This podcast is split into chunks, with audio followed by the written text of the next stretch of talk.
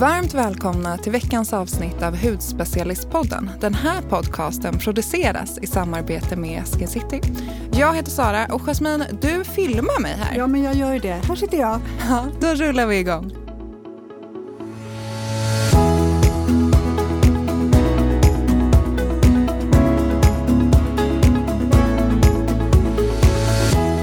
Veckan ska ju faktiskt handla om skin positivity och jag tänkte att vi börjar med oss själva lite grann. Mm. Har du haft några komplex när du har växt upp liksom med, med huden eller med kroppen eller så? Ja, men dels så hade ju jag ju lite... mm, Alltså jag tyckte det var jobbigt eh, med alla mina födelsemärken på benen. Underbenen, jag har jättemycket födelsemärken på hela underbenen.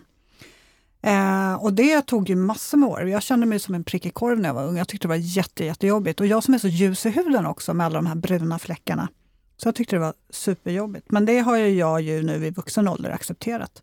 Och sen så har man ju en tonårsdotter med allt vad det innebär som också känner osäkerhet och där tror jag sociala medier och sånt där påverkar väldigt, väldigt mycket. Mm. Det känns ju som att alla har ju komplex men alltså ofta har, märker ingen annan det. Som jag har liksom vänner och kan prata om det här och de säger ah, jag har alltid haft komplex för mina öron eller min näsa. Och jag bara, men gud, det har jag aldrig tänkt på. Så att oftast kan det också vara ja, men just att det är någonting själv som du bara tänker på. Mm. Men, men det är ju så mycket i ens huvud och det är ju så lätt att ja, det tar över helt enkelt. Har du haft några komplex? Nej, men när jag var liten, jag har alltid varit väldigt lång. Alltså jag var ju 1,80 när jag var typ 12. Jag vet inte riktigt vad som hände. Sen är jag glad att det kanske inte blev mycket längre än så. Men jag kommer ihåg så starkt så här, på vårt skolfoto när vi kanske gick i femman. Mitt huvud fick ju knappt plats för att alla var liksom jättekorta och sen kommer en jätte, jättelång. Så det kommer jag ihåg att jag tyckte var jobbigt just att killarna var så korta. Alltså jag var så mycket längre än killarna. Men sen så växte jag in lite i det där och sen när jag började liksom modella så var ju helt plötsligt det här att vara lång någonting bra.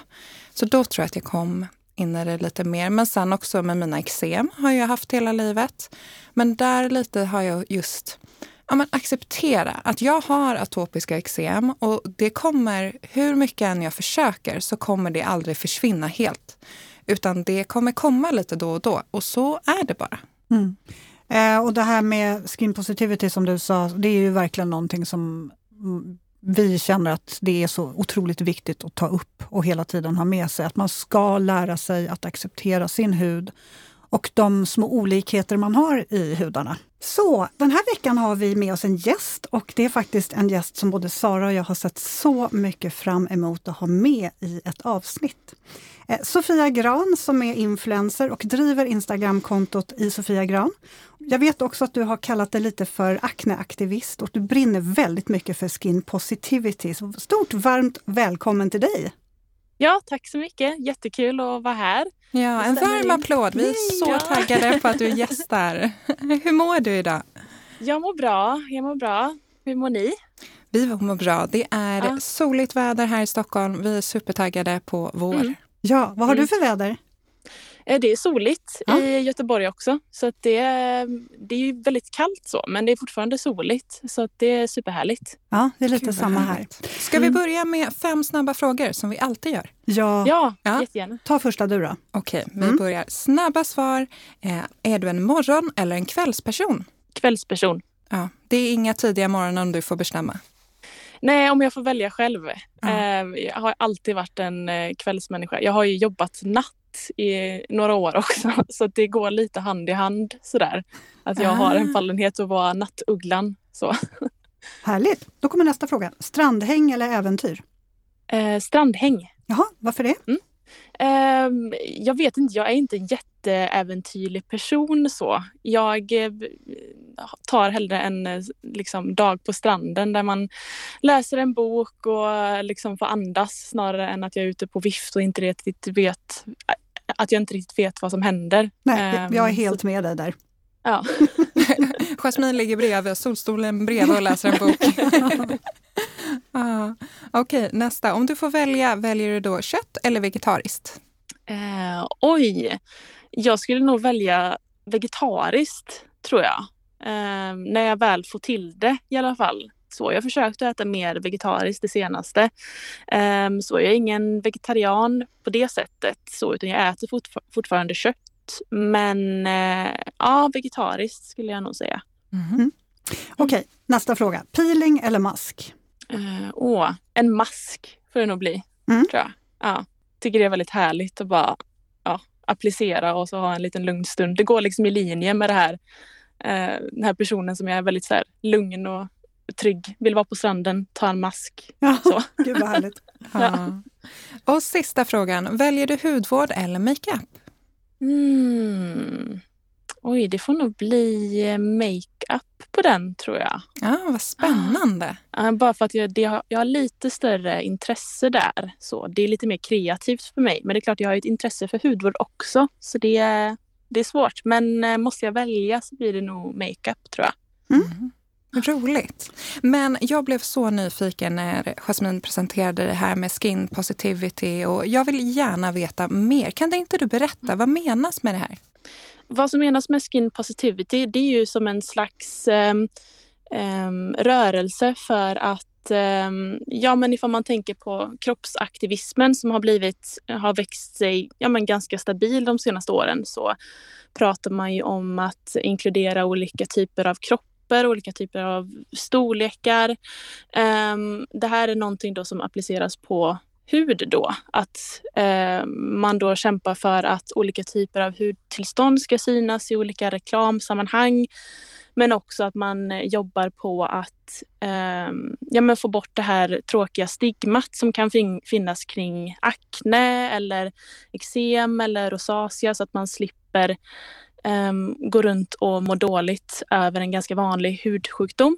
Eh, och det kan man ju jobba med på olika sätt. Det som jag gör det är att jag tar mycket bilder på min egna hud. Jag har haft akne eh, i olika perioder och då har jag tagit bild på min akne i till exempel men, roliga sminkningar för att kunna eh, visa en annan bild av att ha akne. Att man, man kan ehm, vara självsäker och ha akne och ha en jättefin sminkning. Och nu det senaste så har jag bara akneärr. Eh, så då tar jag mycket bilder på, på det så att det får finnas i eh, flödet på sociala medier också. Ehm, just på sociala medier tycker jag att det är väldigt viktigt eftersom att det är mycket filtrerat och mycket av samma typ av hud. Så det är lite det som man kämpar för eh, inom den rörelsen, att det ska bli normaliserat på något sätt. Ja, det här är verkligen så himla bra, intressant och jätte, jätteviktigt verkligen. Verkligen. Mm. Ja, ja, men det tycker jag också. Eh, och på din Instagram så har vi sett att du har lyft frågan vad är den största utmaningen när det kommer till att leva med akne? Och man påverkas otroligt mycket och berörs av de svaren som du fick. Att det var så många som Alltså det blir så tydligt att det är så många som mår fruktansvärt dåligt över sin hy och man blir väldigt mm. ledsen när man läser många av de där svaren som du fick. Jag mm. såg ju ett exempel, till exempel var eh, Just look down at the sink while washing your hands and you won't uh, see your reflection. Ja. Mm. Och sen mm. det var två till som verkligen fick, berörde, berörde mig och dig också, Jasmine. Maybe if I lean my face on my hands they won't notice. Och mm. there's not a single picture of me from 2015 to 2020. Not a single one, like I didn't exist. Alltså det är ju så starka oh. liksom. Alltså man blir ju mm. ledsen på riktigt. Ja. Ja, nej, men det är som en kniv i hjärtat och speciellt jag som har känt allt det här också känner jag att jag säger ja, det, det är bara det som öppnar liksom en dörr och där liksom är alla de här känslorna, känslorna som jag också har känt så. Så det, det är fruktansvärt faktiskt är det. Mm. Ja, vad fick du för respons på frågan när du eh, la upp den? Förutom de här svaren, fick du någon annan respons från de som hörde av sig? Um, ja, alltså det var jättemånga som uh, tackade mig för att jag delade svaren. Uh, dels för att de kunde känna igen sig i svaren och relatera till det och veta att de inte var ensamma och att det, det hjälpte. Uh, men också att de kunde lite hänvisa sina nära och kära till det inlägget och lite så här, det här är det jag menar med att jag mår så dåligt med att jag har akne just nu eller att jag har den här hudsjukdomen. Mm. Det är så här jag känner eh, så och jag är inte ensam. Det känns som att det var väldigt hjälpsamt för många och det kändes ju ja, men det kändes otroligt bra för mig för jag vet ju hur det känns som sagt. Mm. Att, eh, mm. Mm. Känner du att medvetenheten och liksom acceptansen i samhället i stort och på sociala medier har ökat kring akne? Eh, ja, det skulle jag säga. Jag, jag startade ju min Instagram 2018 så det är ju några år sedan nu och jag ser ju ganska, alltså en ganska stor skillnad på i, liksom hur man pratar om hud och också vad, ehm, vad för hud man ser liksom representerad i typ eh, dels tv och media men också i olika reklamsammanhang. Och det är ju en jättepositiv förändring för min del för att, men också för så många andra också såklart. Mm. Um, men vid den tidpunkten så såg jag väldigt sällan personer med akne till exempel på tvn, att de berättade sin historia eller liksom att man såg någon skådespelare med R utan det var väldigt mycket filtrerat och eh, man pratade också om hud på ett sätt som var väldigt jag vet inte, man slängde sig med olika ord som kändes, ja, kändes um, ja, vad ska man säga, man, man slängde sig med ord som så här, problemhud och, och sånt där som man, man själv kunde identifiera sig själv med och var så här, ah, är det något fel på mig eller så där. Det här är ju ganska vanligt. Så. Um, men jag upplever inte att det är att, att det jag upplever att det har förändrats mm. på ett sätt nu. Det är inte samma eh, svart och vitt utan man har lite applicerat den här eh, kroppsaktivismen på huden på ett sätt. Eh, för några år sedan kände jag att den väldigt mycket exkluderades i typ så acceptanskampanjer och så. Då var det mycket fokus på olika storlekar på kroppar, vilket är superviktigt och superbra. Men det var ofta det här en gemensam nämnare och då var det ofta att huden såg ut på ett visst sätt. Eh, och det känner jag att det, där börjar vi röra oss i rätt riktning och det känns, eh, ja, det känns jättefint att se tycker jag. Mm, vi håller verkligen med. Och hur kom liksom idén till det här kontot? Hur, eh, ja, hur? Um, ja, alltså, min tanke var ju inte att mitt konto skulle vara det det är idag egentligen när jag startade. Eh, utan det var eh, helt enkelt så att jag eh, mådde så pass dåligt eh, med att ha akne så att ehm, jag skulle påbörja min medicinering och då i samband med det så ehm, gick jag in på hashtags på Instagram och sökte mig runt sådär för jag var väldigt nyfiken och lite orolig sådär och tänkte att ja, men det kanske finns någon i alla fall som har delat med sig av sin upplevelse så jag kan läsa typ så. Eh, och då upptäckte jag då att det fanns eh, ja, men en grupp människor som delade med, sig bild, delade med sig av bilder på sin hud på Instagram. Dels pratade de om att ha akne, också om att ta den här medicineringen som jag skulle påbörja. Men jag blev väldigt tagen av att eh, se personer som såg ut som mig själv på Instagram. För att det hade jag inte sett innan. Jag hade ett flöde som var väldigt kurerat mot liksom, den här huden som jag ville ha någon gång. Så att när jag såg det så blev jag väldigt dragen till det på en gång och kände att jag behöver nog göra det här för mig själv så att jag kan ta kontakt med de här människorna och få det här stödet från dem. Eh, och dels då dela med mig av min upplevelse. Jag tror att det kan vara bra för mig, var min tanke. Um, så till en början så skulle det bara vara typ som en krycka att ta mig igenom behandlingen. Min tanke var att jag skulle dokumentera eh, mina biverkningar och framsteg och hur jag kände och ta bilder då på min hud så att jag kunde följa resan på något sätt. Och sen efter det var, jag hade ingen tanke på att jag skulle fortsätta att ha mitt konto egentligen utan det skulle vara slut där liksom när min behandling var slut och um, så tänkte jag att ja men då behöver jag ju inte det längre.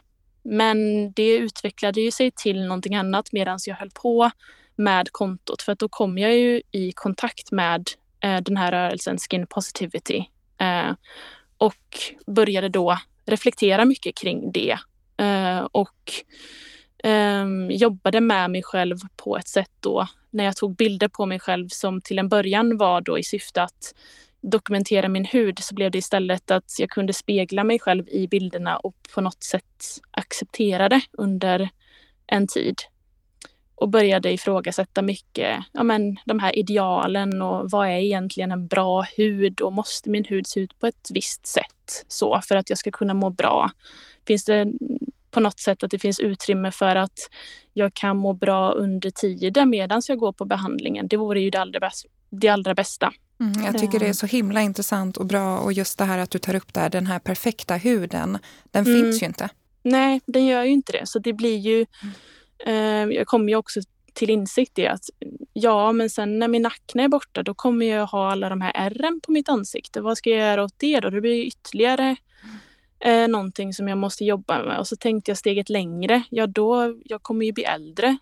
Tids nog kommer ju komma upp rynkor och sånt där. Så det finns ju alltid någonting som man kan eh, ändra på för att det ska liksom passa in i den här perfekta mallen liksom i vad är perfekt hud. Liksom. Det är så ouppnåeligt och det förändras också hela tiden på något sätt. Så att, um, ja, det, det, var, det var en eh, resa. Så att egentligen till en början så var det ju bara att jag startade mitt konto av ren desperation för att jag kände att ah, jag måste ha kontakt med dig, människan här på andra sidan skärmen som också säger de här sakerna som jag känner.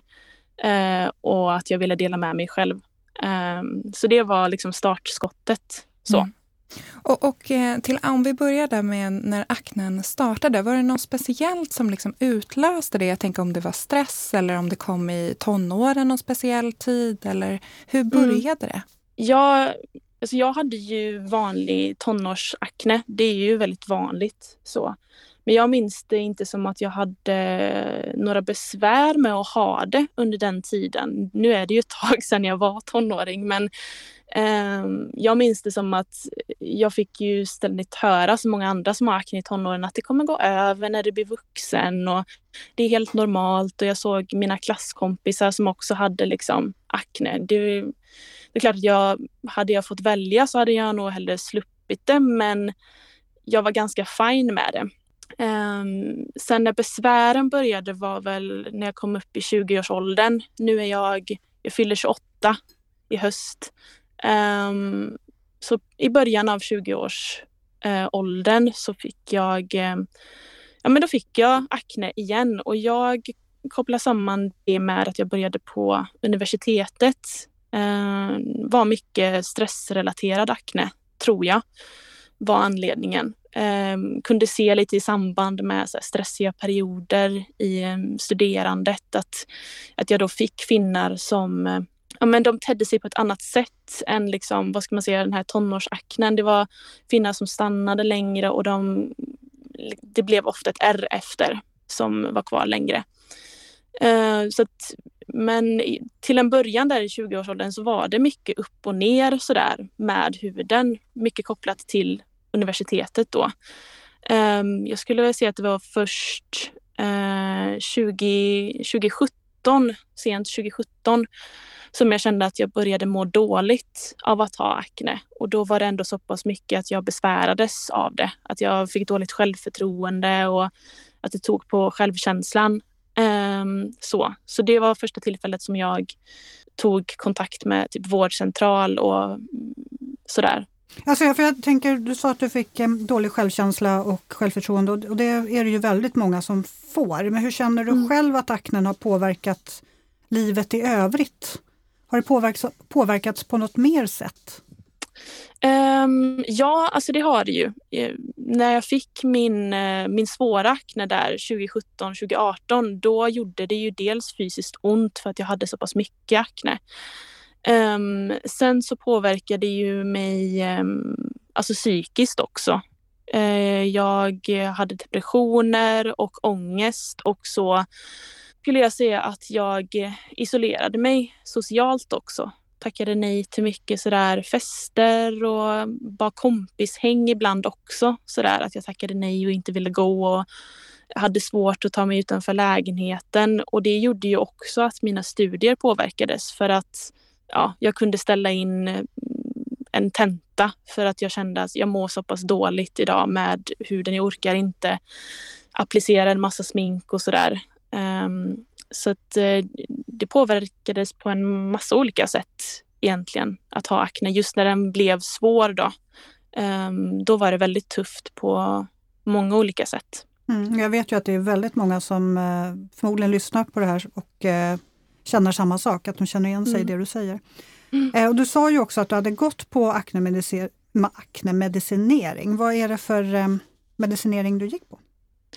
Um, jag, jag gick ju hela behandlingstrappan, eller vad man ska säga. Ofta när man söker hjälp för akne, då får man ju oftast uh, ja, men kanske hjälp på vårdcentral och då är väl ja, det vanliga att man får bli erbjuden att påbörja, påbörja någon slags uh, antibiotikakur.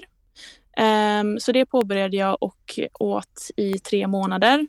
Vet inte exakt vad den hette hette, men jag tror att den hette Limecyklin Actavis, något sånt där. Mm. Det var antibiotikabehandling för akne i alla fall. Och så fick jag utskriven en, en kräm då att applicera på de områden som jag hade akne och den hette Epiduo. Mm. Um, så det, det körde jag på uh, i tre månader. Uh, och skulle då återkomma ifall aknen kom tillbaka. Så då hade jag en sommar där 2018 där min hud var väldigt lugn. Jag hade inte akne, det var bara ärren som var kvar egentligen. Så den, den behandlingen hjälpte huden? Ja, det mm. gjorde den. Men sen till hösten så kom min akne tillbaka. Mm. Och då var den eh, värre. Så att eh, då fick jag en eh, remiss till hudläkare och blev då erbjuden isotretinoin som eh, tidigare är känt under namn Roacutan. Tror jag många känner igen sådär. Men nu heter den isotretinoin och den gick jag då på i, jag tror det var sex månader totalt, så ett halvår. Det är en lång behandling. Um, ja, den kan ju vara ganska tuff sådär och man man blir ju erbjuden den men det är ju under vissa premisser sådär att man får ta blodprov varje månad och är man, eh, kan, man bli med, kan man bli med barn då behöver man eh, gå på preventivmedel för att det finns risk för eh, fosterskador. Så. Mm. Hur, hur, lång tid det, tog det innan du såg resultat av den här ISO-behandlingen? Oj, ja det tog ju några månader. Mm. Ehm, jag vet att ifall det är någon som lyssnar på det här och man har det jobbigt med huden så är det nog ganska jobbigt att höra. Det kände jag också. Ehm, så det, det tar några månader innan det faktiskt ger effekt. Jag brukar säga att gå på den medicin att gå på den medicineringen är som att ja, men det, det är ingen sprint utan det är ett maraton. Så, det är väldigt lång tid och man måste ha tålamod. Um, till en början så blev ju min hud värre och det händer ibland så att huden måste bli värre först innan det blir bättre. Så jag hade en väldigt tuff period i början och det är ju eh, väldigt jobbigt när man redan har det jobbigt med huden och man vill bara att det ska bli bättre. Så man är i den desperata, man är i liksom det desperata, i det desperata, den desperata platsen att man bara vill att det ska bli bättre nu. Mm. Men um, det, var, det var en månad där som ju, det blev mycket värre och sen så blev det bättre och bättre och bättre och skulle säga månad fyra så började jag se resultat. Mm. Ja, tack så, det, så jättemycket att du delar. Det är verkligen värdefullt för oss och mm. alla som lyssnar. och så. Och sen tänkte jag också höra, huden kan ju påverkas i övrigt, både kroppen och huden och så, av en isotretinoinbehandling, just att den är väldigt kraftfull. Såg du mm. några andra bieffekter av den här behandlingen? Jag tänker torrhet eller så? Mm. Ja, torrhet är ju, är ju den vanligaste. Det fick jag ju nästan bara några dagar in sådär att jag kände att mina läppar blev snustorra. Eh, så det gick åt mycket läppbalsam, gjorde det. Eh, sen så blir man ju torr på kroppen också. För mig hjälpte det bara att använda en duscholja när jag duschade och sen smörja in mig varje dag så, så gick det bra med det. Eh, sen så påverkar det också alltså, torrheten i övrigt. Man behöver inte duscha håret lika ofta heller, vilket jag kunde tycka var ganska skönt. Sådär. Eh, håret blir ju inte så fett liksom, i och med att den stoppar eh, produktionen. Eh, men andra effekter som inte var så roliga det var ju att jag fick eh, lite ledvärk sådär. Jag kunde inte riktigt träna på samma sätt som jag gjorde innan. Jag eh, tyckte om att springa och sånt innan och det fick jag lite lägga på is för att det var, det var för tungt på mina leder. Slutet på behandlingen så kände jag väl att jag började få lite huvudvärk, kände mig trött och sliten, fick lite ont i ländryggen sådär. Var också tvungen att använda ögondroppar Ehm, för att um, ja, ögonen blev torra. till slut helt enkelt.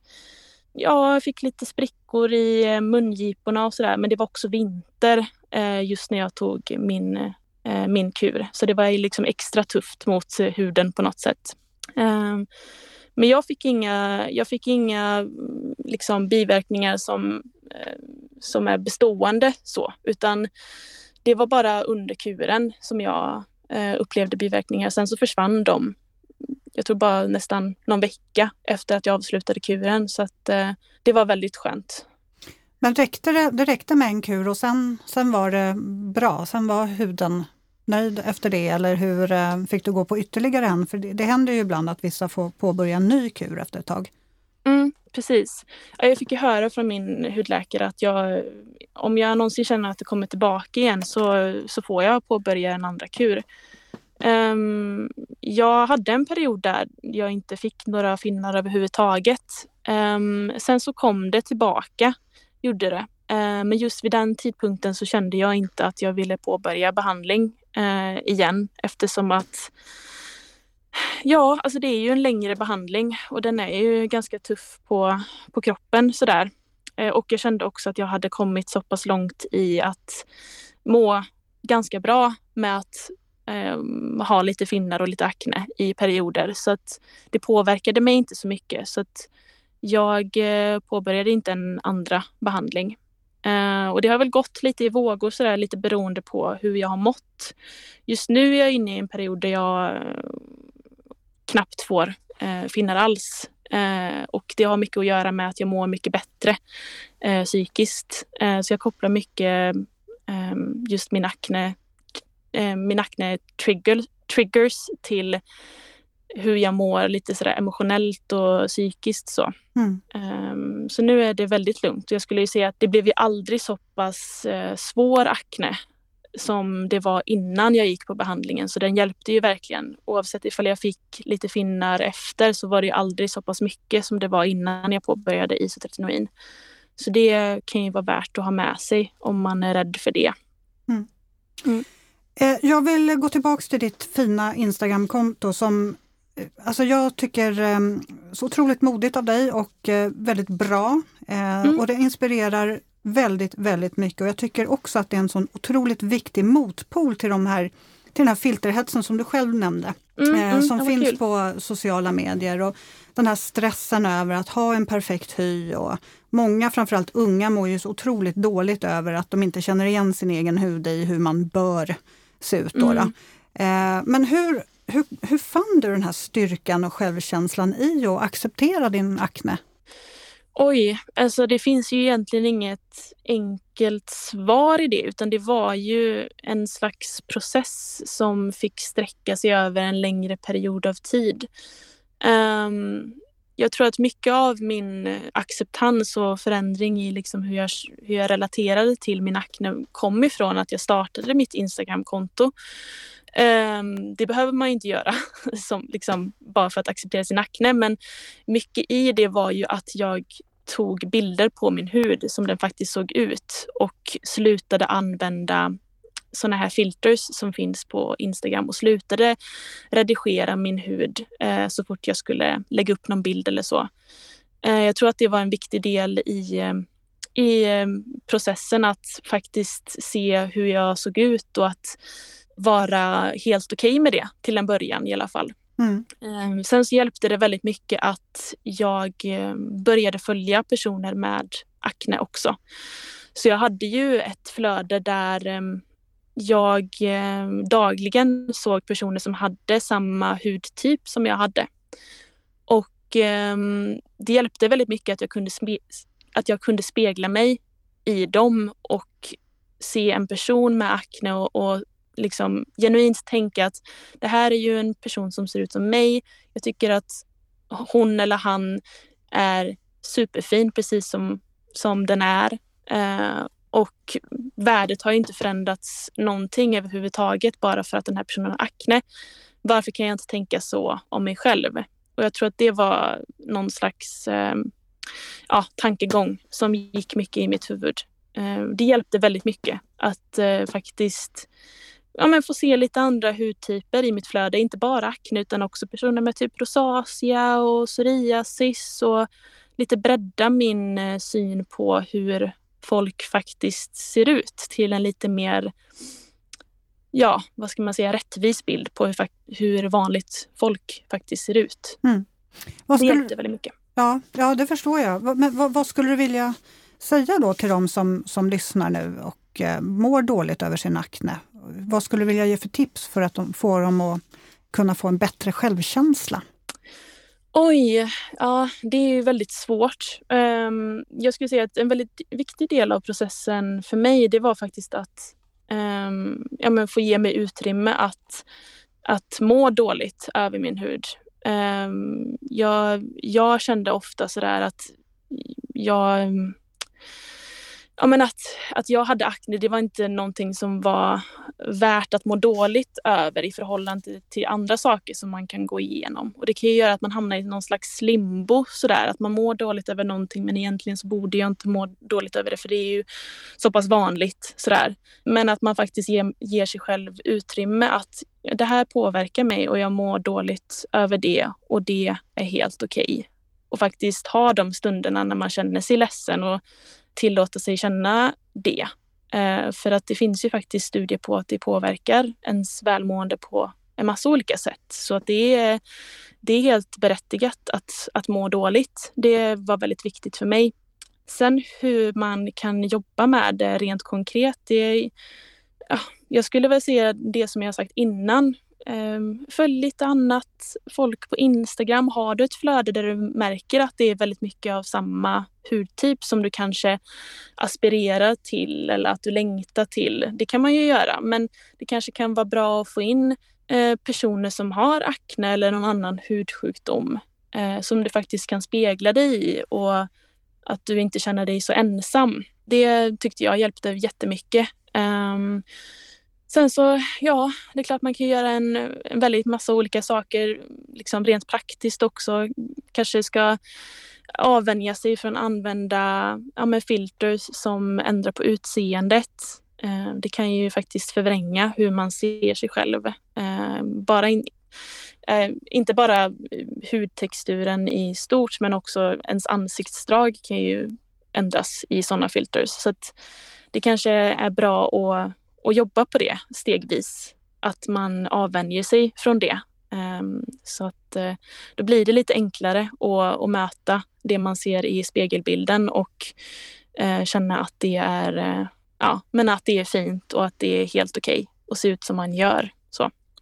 Mm, tack Sofia, så bra tips. Jag tror aldrig jag varit så här tyst under ett avsnitt men Nej, jag verkligen bara lyssnar och det är jätte, jättebra verkligen. Det är ah, ja, nej, så himla fint.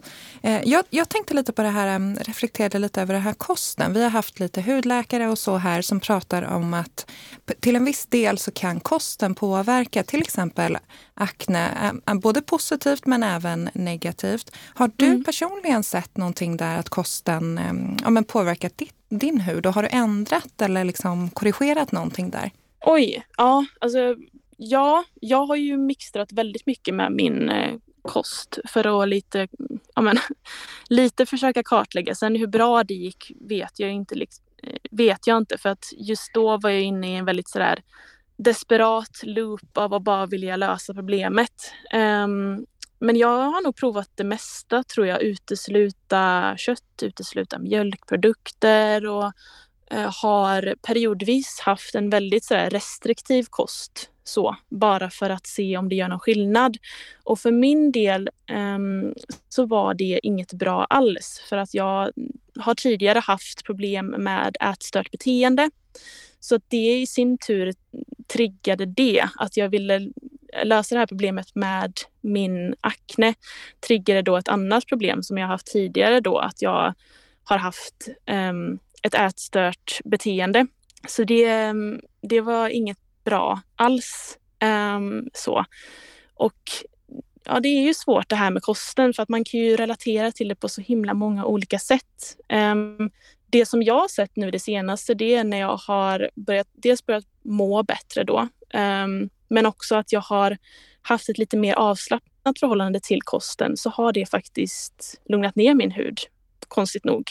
Mm. Um, jag äter det mesta så i måtta uh, och försöker att uh, fokusera på ja, men att, att må bra i helhet. Um, så. så det är också värt att ha med den aspekten ibland kan jag tycka att um, de här sakerna kan gå lite hand i hand. Att försöka vet du, behandla sin akne kan också påverka ett tidigare förhållande till mat som inte blir något bra.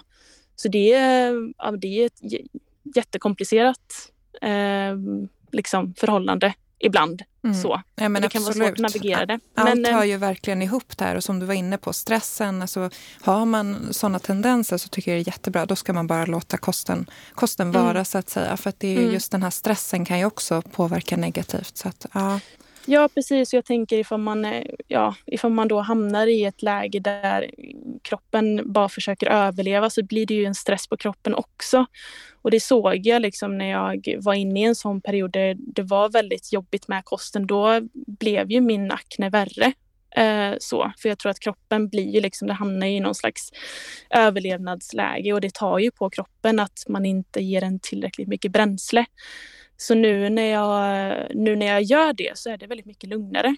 Um, och det kan ju vara värt att tänka på också, tänker jag, ifall man är inne i en sån period. Att det, det kanske går lite hand i hand där också. Men eh, ja, det är klart, jag har ju haft personer, jag har haft kontakt med personer på internet också där, där man säger att ja, men, jag uteslöt detta och det hjälpte. Och det, det är klart, alla har ju har ju sin, eh, sin erfarenhet. Liksom så. Det finns ju inte en enskild väg till att behandla sin akne. Så är det ju. Så att, eh, det kan ju funka på en massa olika sätt. Ja, det är lite trixigt det där också för att eh, en sak kan ju funka jättebra på en person medan det inte funkar alls på någon annan. För det är ju väldigt individuellt. Så att när det mm. gäller just akne då får man ju prova sig fram och ofta vet ju jag och de jag har haft kontakt med som har eh, svår akne att, att de känner inte att de har eh, tålamodet att vänta heller. Eh, såklart, de vill ju ha resultaten direkt och då hålla mm. på att prova sig fram. Det, det är ju också jobbigt då. Så blir det värre i ett steg och så blir det lite bättre i ett annat och så vet man inte riktigt mm. vad som gör vad. Så att, där kan det kanske också vara bra att prova en sak i taget under en period. Att man provar kosten mm. och, och ser, funkar det? Nej, det funkade inte. Eller ja, det blev mm. bättre. Och så kanske man provar nästa steg så att man inte lever runt med allt på en gång. Nej, nej precis. Jag känner igen mig mycket i det. Jag var ju också inne i en sån period där det var sådär. Dels eh, liksom gjorde en eh, ordentlig ge genomkörare med kosten och uteslöt en massa grejer. Inte på något organiserat sätt utan sådär bara hux flux på något sätt. Eh, och det blir, ju, det blir ju ingenting av det, bara att man stressar upp sig ännu mer. Det känns som en djungel liksom, som man försöker navigera. Det kan vara kosten eller det kan vara massa olika grejer, stress och så ska man försöka lugna ner sig. Alltså mm. det, ehm, ja, det är jättesvårt faktiskt och eh, navigera sig i det. Mm. En, en, fråga som jag kom på nu också, har du provat en sån här typ meditationsapp eller någonting för att kunna stressa ner om du har känt dig stressad? Eh, nej, det har jag inte. Men jag, gjort, jag har gjort mycket yoga i perioder. Eh, så det, det var den träningsformen som jag körde på när jag gick på min medicinering. Den är ju så pass liksom, skonsam mot eh, kroppen.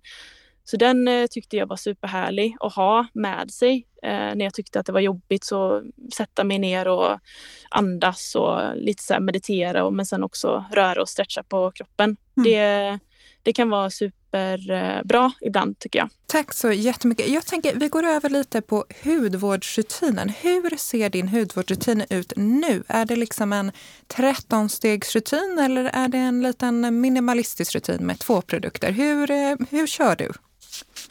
Uh, ja, alltså jag skulle väl säga att jag har en minimalistisk rutin i grund. Um, så jag försöker att inte krångla till det för mycket för jag märker att det är det min hud eh, mår bäst av. Så. Eh, så egentligen så har jag, jag tvättar mitt ansikte på kvällen eh, och sen så är det egentligen någon, någon fuktkräm, ögonkräm och sen så är jag redo för sängen. Sen så har jag ju vissa dagar när jag tycker att det är kul att hålla på med något serum och någon mask och sådär. Men mest då för att jag tycker att det är, då har jag en liten mysig stund så. Jag sitter och grejar med det. Um, sådär. Eh, och sen så på morgonen så är det lite samma sak. Jag brukar faktiskt inte tvätta mitt ansikte på morgonen, i alla fall under vintertid. Eh, för jag märker att min hud blir så torr då. Men då är det i princip eh, ja, men en fuktkräm, eh, SPF, ögonkräm och sen så är jag färdig i princip. Mm. Så det är väldigt minimalistiskt. så. Men, ja, men det är jättebra också att du har hittat liksom, att det här passar din hud. För det är verkligen, mm. jag och Jasmine pratar ofta om det, att det är inte den med flest produkter som vinner, utan man ska verkligen hitta det som passar sin rutin. Eller ja, sin ja, hud. Men, ja, men så är det verkligen. Så är det verkligen. Mm. Eh, jag måste också faktiskt lyfta dina otroligt fina makeupbilder som du lägger upp. Mm. Eh, det är så inspirerande och härligt och man blir så glad av dina fina makeupbilder. Eh, okay. Men hur använder du mycket makeup till vardags eller är det mest när det är fest? Um, ja, så jag använder ju makeup till vardags men det är inte de här uh, super neon uh, ögonskugg-luxen som jag kör till vardags utan det är ju ganska minimalistiskt där också. Ehm, jag har som rutin att jag använder ingen sån här högtäckande foundation utan jag använder concealer under ögonen, eh, kanske runt eh, näsvingarna för där har jag också lite sådär eh, rödhet som jag täcker över och sen så är det någon mascara, någon flytande bronzer, något kräm, eh, rouge och så lite flytande highlighter och så fixar jag till mina bryn. Och sen så är jag färdig. Men jag tycker ju att det är väldigt kul att hålla på med smink. Men det är ju mest i ett kreativt eh, syfte så att jag älskar att hålla på med färg och färgkombinationer och lite få in det här um, ja men nästan editorial looken i mina bilder det tycker jag är väldigt roligt att få in min hud som har akneärr och sen så har jag en ganska extravagant sminkning. Eh, det blir ganska dramatiskt och ganska effektfullt så. Det tycker jag är väldigt roligt att, att leka med. Nästan kolla på lite så catwalk-bilder på hur modeller är sminkade och så här, ah, hur kan jag applicera det här på ett så skin positivity-sätt. Mm. Det är verkligen coolt att se och man blir så inspirerad. Ja, det, det är jättekul. Det, då känner jag verkligen att jag är att jag är i min zone på något sätt. Att jag är i min lilla bubbla och grejer och ja, håller på med någon pensel och duttar och sådär. Det, ja, det, blir lite medit medita det blir lite meditativt också på ett sätt. Mm. Så. Ja, Härligt. Mm. Och innan vi går vidare här så känner jag att jag vill stoppa vid en grej. För jag såg på din Instagram att du gillar eye patches. Har jag rätt? Mm. Ja, det stämmer. Det är ju Vilken är favoriten? Favorit.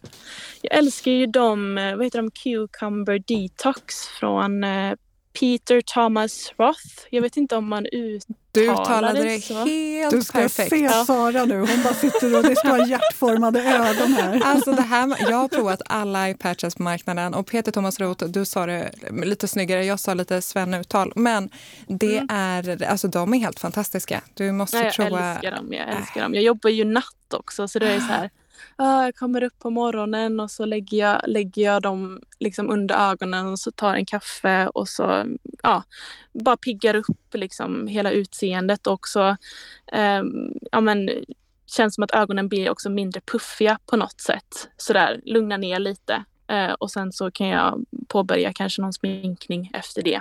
Mm. Så, så de, är, de är toppen tycker jag. Har du dem i kylen? Eh, ja, det har jag. Ja, bra. Mm. Hon har koll det... den här tjejen. ja. oh, vad roligt. Um, ja, men jag, nu kommer vi liksom till höjdpunkten här känner jag. Vi mm. avslutar ju alltid med uh, tre favoriterna. Och mm. jag och Sara vill veta vilka som är dina tre must-haves. Nu mm. pratar vi liksom hudvårdsprispallen. Just det, just det. Um, ja, men alltså som jag nämnde, de eye-patchen eh, Eh, från Peter Thomas Roth eh, älskar jag. Det är ju ja, min favorit bara för att det känns så lyxigt liksom. Och att det hjälper med ja, men, pigga upp mig och efter att jag har jobbat natt och sådär. Det kan vara väldigt tufft sådär stundvis. Så att det, eh, de tycker jag om eh, supermycket. Sen så har jag ehm, som en sån här favorit vardagshjälte så älskar jag eh, Paula's Choice. Eh, de har en, ehm, de har en ehm, moisturizer, jag vet inte om det klassas som dagkräm men det är ju SPF i den också. Eh, Defense Essential Ooh. Glow Moisturizer SPF 30. Ja, den är så bra. Den, den är super. Ja, den är riktigt ja, bra. den. Och så får man så ja. fin lyster av den också. Fin lyster, antioxidanter, fukt och sen som du säger, det är så smidigt också att det är liksom solskydd i din dagkräm. Mm, mm, precis. Ja, det är eh, speciellt jag som har en lite mer så här, minimalistisk approach till hudvård så är det väldigt sådär vardagshjälte. Bara smörja in liksom och sen jag ganska färdig för dagen. Och den funkar väldigt bra med min hy som är lite så aknebenägen också. Så att den, eh, den är eh, toppen tycker jag. Mm. Eh, Okej, och den sista då? Nu är vi nyfikna. Eh, ja, eh, jag tycker ju om, eh, ska vi se från Skin Citys egna märke Mhm. faktiskt. Ja, eh, den här, eh, nu ska vi se, nu blir det nog svenskt. Nu är vi jättenyfikna. AHA PHA Clear Skin Body Resurfacer. Resurfacer? Ja, Research. precis. Det är helt Ja. korrekt. Ja, vad kul Precis. att du gillar den. Ja, ruggigt kul. Ja, Mm. Den är ju till kroppen. Kör du den partiellt över hela kroppen eller vad funkar? Jag, jag kör ju den på kroppen där jag vet att jag brukar få lite sådär, ja men eh, lite finnar stundvis. Jag får ju det på kroppen också. Jag skulle säga att jag får det mer på kroppen nu. Eh, sådär ibland. Känns som att det är lite mer så mekanisk eh, akne efter typ att jag har tränat och sådär. Så att det kan bli lite på bröstet, lite på axlarna, ibland lite på rumpan. alltså så, jag får lite finnar ibland på rumpan också. Så att, eh, ehm, Men jobbar du med den i förebyggande syfte, så att du har den eh, kontinuerligt eller är det så att du behandlar när du får besvären? eh, behandla när jag får besvären för då kan jag lite se, eller i alla fall liksom när jag ser att det börjar dyka upp sådär. Man kan ju se lite så ah, här kommer någonting Man kan känna sig lite öm och sådär också. Ja, Ja. precis. Ehm, så då, då använder jag den så. Annars så är det helt lugnt. Då, det är mer vid behov som den får komma in och liksom hjälpa Mm. till. Mm. Ja. Men vad kul, den är ju verkligen, jag använder den själv, verkligen en, Ja, en hjälte när det kommer till eh, lite pliter och finnar och sådär. Eller Ja, keratosis pilaris Ja, och sådär absolut, den funkar Mm. vid keratosis pilaris också. Så Mm. att, eh, ja, jättekul att du gillar den. Men stort eh, tack Sofia, vi är så otroligt glada att du ville vara med oss här idag. Väldigt. ja, det var jättekul att få vara med också. Så. Och till alla som lyssnar, kika gärna in på Sofias eh, otroligt inspirerande Instagram i Sofia Gran för att få inspiration till att lättare skapa en acceptans och lära dig att uppskatta din egen hud. Kul! Och eh, glöm inte att mejla oss på poddet.hudspecialisten.se. Vi finns på Instagram med samma namn och bloggen. Så hörs vi nästa vecka. Ha en fin helg till alla som lyssnar, till Jasmine, till Sofia. Så hörs vi. Tack så jättemycket. Ha det bra allihopa. Tack. Hej då.